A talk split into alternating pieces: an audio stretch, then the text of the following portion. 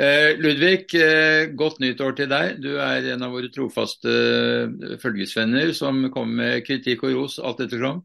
Og det setter Ja. vi pris på. Og da, Takk. Ja. da syns jeg at det var grunn på sin plass å begynne det nye året med deg. Jeg hadde egentlig tenkt å snakke om noe helt annet, men så viser det seg at du har jo hatt svært dramatiske hendelser i, rett før jul. Eh, Vi visste jo at eh, det var utfordrende å drive skianlegg i disse eh, ekstreme energikostbare tider. Men nå viser det seg at du også har hatt andre ting å, å slite med. Eh, du må fortelle historien. ja, altså historien starter med at jeg sitter i prepareringsmaskinen. Sneanlegget går. Alt er eh, rosenrødt. Ti kuldegrader og eh, i det hele tatt. Jeg trives. Så ringer det en eh, kar jeg ikke kjenner, fra, som sier han er fra Skøyen båtforening. Det er der jeg har båten liggende i vinteropplag i Boblehamn. Og så sier han til meg at uh, vannlinjen din er forsvunnet uh, i baugen. Ja, så sier jeg nei, det kan ikke stemme, det skjønner jeg ingenting av. For jeg var jo der i forrige uke sammen med sønnen min, før kulden satte inn. Og da gjorde vi full vinterkonservering ved å helle frostvæske i alle gjennomføringer og alle pumper og motorer og i det hele tatt. Så jeg tenkte at det er helt uaktuelt at eh, det så har skjedd noe galt med den. Jeg tenkte er det så mye sne på den at den har tynget ned, eller Men jeg fortalte han i hvert fall hvor nøkkelen til båten lå. og så ringer han tilbake igjen etter fem minutter og så sier han du, du har 40 cm vann over dørken om bord. Uh, og det var jo panikkreaksjon. det var som å trykke på panikknappen. Da tenkte jeg hva faen, er båten på vei ned? Hvordan har dette her skjedd? Eh, jeg visste jo at var eh, at de legger ny rørledning.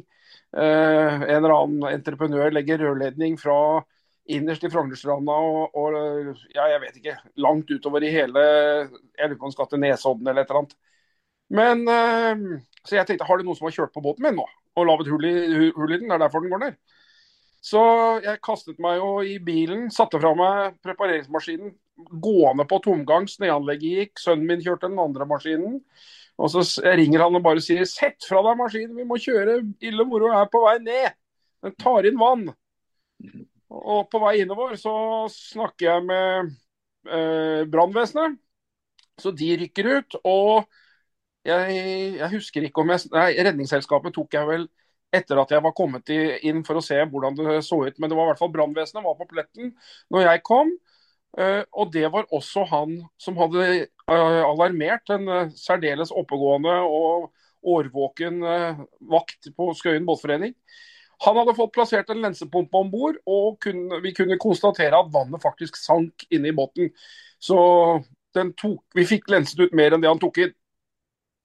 Og det var jo rette veien, for å si det sånn. da. Så jeg gikk jo ned i båten etter hvert som den ble mindre vann, hvor jeg kunne stå der uten å bli våt. Og så gikk jeg inn på toalettet, og der så jeg hvor lekkasjen var med en gang. For jeg så det kom vann inn via kran, altså kranhåndtaket på den stengte gjennomføringen til septiken.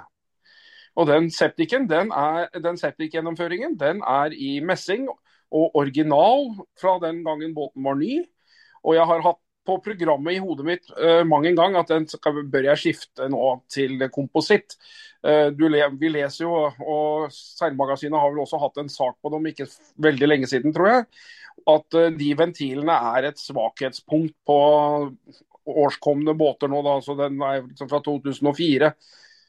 Men jeg har jo holdt den ved like. Altså holdt ved like på den måten at jeg, jeg har påsett at alle offerdiodene, all, anodene, aldri har vært eh, spist opp helt. Og jeg har også brukt en liten skrape eller fil eller et eller annet, og så filt litt på godset i messingen, og sett at det har vært blank og fin messing, og ikke sånn rødlig som den blir hvis den liksom skal være dårlig. Så jeg trodde jeg var på trygg grunn, for å si det sånn, da. Men uh, det var tydeligvis feil. Det var ikke mer enn en uke siden hvor jeg hadde vært der inne. og Da brukte jeg jo den kranen når vi fylte frostvæske i toalettet og pumpet over i septiktanken. og Når du har liksom ti liter kjølevæske i septiktanken, og så åpner du kranen og stenger den igjen, da er du sikker på at du har kjølevæske i kulen på kuleventilen også, så ikke den kan kunne sprenge og fryse i stykker. Men her var den altså rett og slett uh, spist opp på en eller annen måte. Og ikke skjønner jeg egentlig hvordan lekkasjen kunne komme i håndtaket heller. All den tid faktisk uh, I teorien da, så er jo kranen stengt på nedsiden av det håndtaket. Kulen stenger jo mot setet på undersiden av håndtaket. Men inn kom vannet. Det var helt tydelig. Dette er jo da til skrek og advarsel for andre som har båter med tilsvarende ventiler, selvfølgelig? Det er det, og det er det vel flere tusen av. Uh, seilbåter kjøpt fra slutten av 90-tallet og oppover. Og vi, de er alle sammen levert med messing gjennomføringer. og Min oppfordring er å ikke være like dum som meg og vente for lenge. Bytt de til kompositt før du får det trøbbelet som jeg fikk. Mm. Men dette er bare begynnelsen på eventyret? ja, dette er begynnelsen på eventyret. Uh, først så var jeg jo da glad for at vi greide å redde båten, at ikke båten var gått ned. Klart store skader. Eh, dynamoen har jo vært under vann. Eh, jeg var usikker på batteriene, men de hadde greid seg. Det var akkurat opp til batteriene. Men varmeapparat og kjøleskap og ja, you name it. Alt sammen må jo byttes. Men fortsatt så, så, så hadde jeg jo lekkasje, og da må jo båten på land. Og ære være at eh, KNS har eh, Carl i staben sin, for han var på Dronningen fortsatt. Og jeg ringte ut til, eh, til Carl og lurte på om han var på jobben, om det var muligheter å løfte båten. Ja, bare kom med med en gang. Jeg venter på deg. Og her snakker vi altså fredag sånn i sekstiden, syvtiden på ettermiddagen.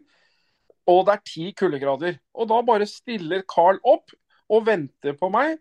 Og jeg får tak i Redningsselskapet, og Redningsselskapet baukserer båten ut. Det var jo også en historie.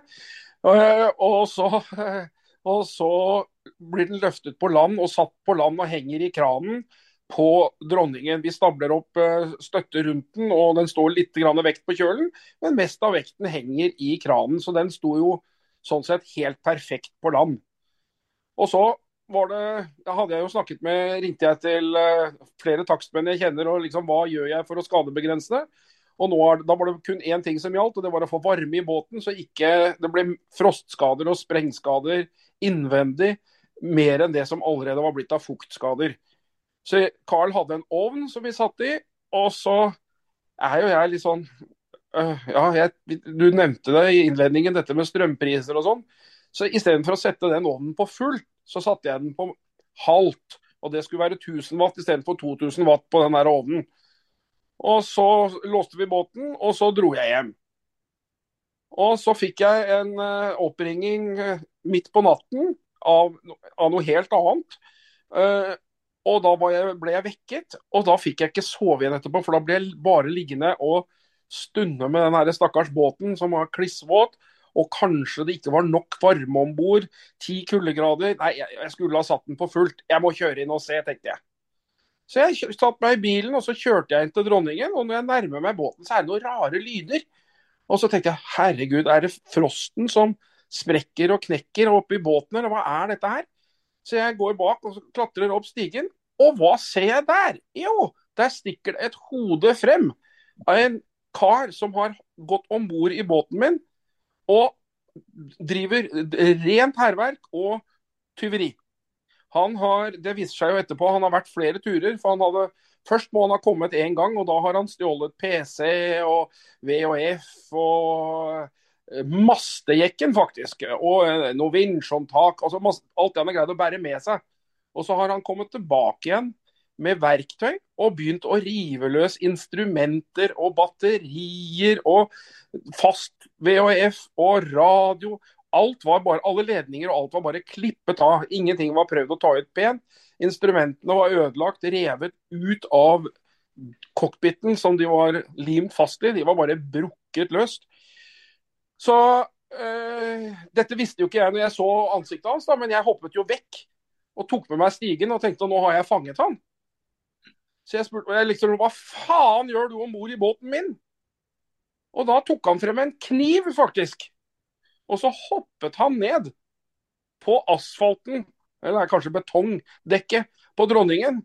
Og truet meg med en kniv. Og denne karen han var jo ja, normalt bygget. Han var ikke noe bodybuilder og han var ikke noe pingle, men han var i hvert fall 10 cm høyere enn meg. Omtrent 40 år, tenker jeg. Og det bød ikke på noe veldig stor uh, lyst å begynne å ta opp en kamp med han når han var bevæpnet med kniv, så jeg gikk jo unna. Og da løp han. Da stakk han.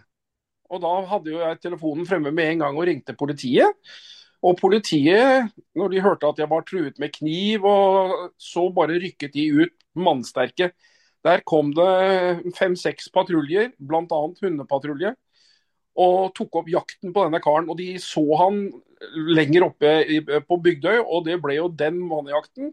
Og de fanget han til slutt borte på Oscarshall. Så han karen ble tatt. Men han hadde jo altså, det viste seg etterpå, han hadde jo greid å ødelegge for ja, om ikke 100 000, så i hvert fall mange titusener av kroner, og, og stjålet også. Så først så på båten min ned, og så deretter, to timer etterpå, så er det innbrudd i båten. Så det var vel eh, ikke akkurat eh, drømmedagen min. Nei, og det var vel heller ikke noen optimal julepresang, for dette var rett før jul, ikke sant? Og, dette var rett, rett, før jul, når kulden kom sånn Ja, det kan ha vært rundt 15.-16. desember eller noe rundt der, tenker jeg. Mm. Nå er vel disse sakene forsikringssaker, så du kommer ikke til å lide noe nød i det lange løp, men det må ha vært en ganske ubehagelig opplevelse. Ja, men folk skal være klar over at når det gjelder sånn som elektronikk og PC-er og navigasjonssystemer Jeg hadde jo Sipro på denne PC-en og sånn. Det står i polisen at dette dekkes med inntil fem, reduksjon av verdien på marin instrumentering per år. Så det betyr at der, der er det knappenåler og glansbilder igjen på forsikringen i forhold til hva det kostet å sette det inn. Så man skal være oppmerksom på at uh, forsikringsselskapene dekker ikke noe særlig av sånt, uansett om det er innbrudd eller hva det er. Hvordan... Så det kommer til å koste meg, ja. Ja, og I tillegg til det, hvordan følte du etter at han karen hadde løpt etter deg med kniv? Det var vel ikke så morsomt heller? Jeg var mest forbanna at jeg ikke hadde noe verktøy. Så jeg kunne ha grisebanka han og invalidisert han. Det var det jeg hadde lyst til. Mm. Men, han, Men uh, jeg slåss ikke med noen som har kniv. Han hoppet altså ned fra dekket på båten ned til betongen. Det må vel ha vært en tre-fire meter? Ja, det er altså båten er jo Han må, må i hvert fall bort, bort til fire meter, ja. Eh, tre og en halv, fire meter, ja. Mm, mm. Ja, vi får si at uh, det var godt, jo, enden på en måte var, uh, var, god. Det gikk bra med deg. Du ble ikke uh, skadet av en knivdesperado, og båten din sank ikke. Eh, så så langt så er vi OK. Så blir det selvfølgelig mye plunder og heft, og som du sier, dessverre litt omkostninger for å få båten tilbake igjen i, i eh, stand som den skal være. Ja. Og da håper jeg at du virkelig får en god seilsesong. At når endelig dette er gjort, så er båten i toppstand, og at du kan være med alle dataer. Og, ja, jeg fikk, jo, jeg, fikk skryt, jeg fikk, jo, skryt, av takstmannen etterpå, da, for jeg fikk jo ikke tak i noe forsikringsselskap. Man kan jo prøve å ringe forsikringsselskapet sitt klokken eh, seks-syv på kvelden på en fredag. Det er bare, glem, det er bare å glemme. Får bare mm. beskjed om å, også, å, kontakte dem igjen på mandag. Men det mm. jeg hadde gjort, da, det var jo all form for skadebegrensning og sånn, og det var de fornøyd med, for å si det sånn. da. Så jeg får jo lagt ut uh, kostnadene ved å få Bergseten bort av Redningsselskapet og i det hele tatt. Og nå har jeg jo en mann som er i ferd med å sette i stand båten, men det er ikke mye han får gjort på vinteren. Nå er det bare å få satt inn en avfukter og så vente til våren. Så båten må jo vaskes helt ned innvendig, og det får man jo ikke gjort på vinterstid. Du må vente til det er vann på bryggene og, og det er plussgrader. Så da blir den stående på land på Dronningen da, inntil uh... Nei, nei, er, han eh, byttet uh, til kompositt i alle gjennomføringer. Og så satte vi den på vann igjen uh, to dager etterpå. og så, da altså, fikk han gått over motoren og sjekket at det ikke var vanninntredning inn i motoren. Mm. Og da kunne, vi, kunne, han kjøre motoren og kjøre båten tilbake igjen og inn og legge den på plass igjen inn i Skøyen båtforening. da. Men mm. dynamoen er jo fucked, da. Det lader jo ikke. Nei litt av en opplevelse, eller to opplevelser på kort tid? Ja, absolutt. Og jeg har, om jeg har noe, så er det en sterk oppfordring til uh, båteiere om å bytte de uh, gjennomføringene til kompositt. Messing er ikke til å stole på. Mm. Takk for at du delte disse dramatiske opplevelsene med oss, uh, Ludvig. Og igjen godt år. Og vi gleder oss til å se deg på sjøen. Takk skal du ha, Mikkel. Vi ses garantert. Mm.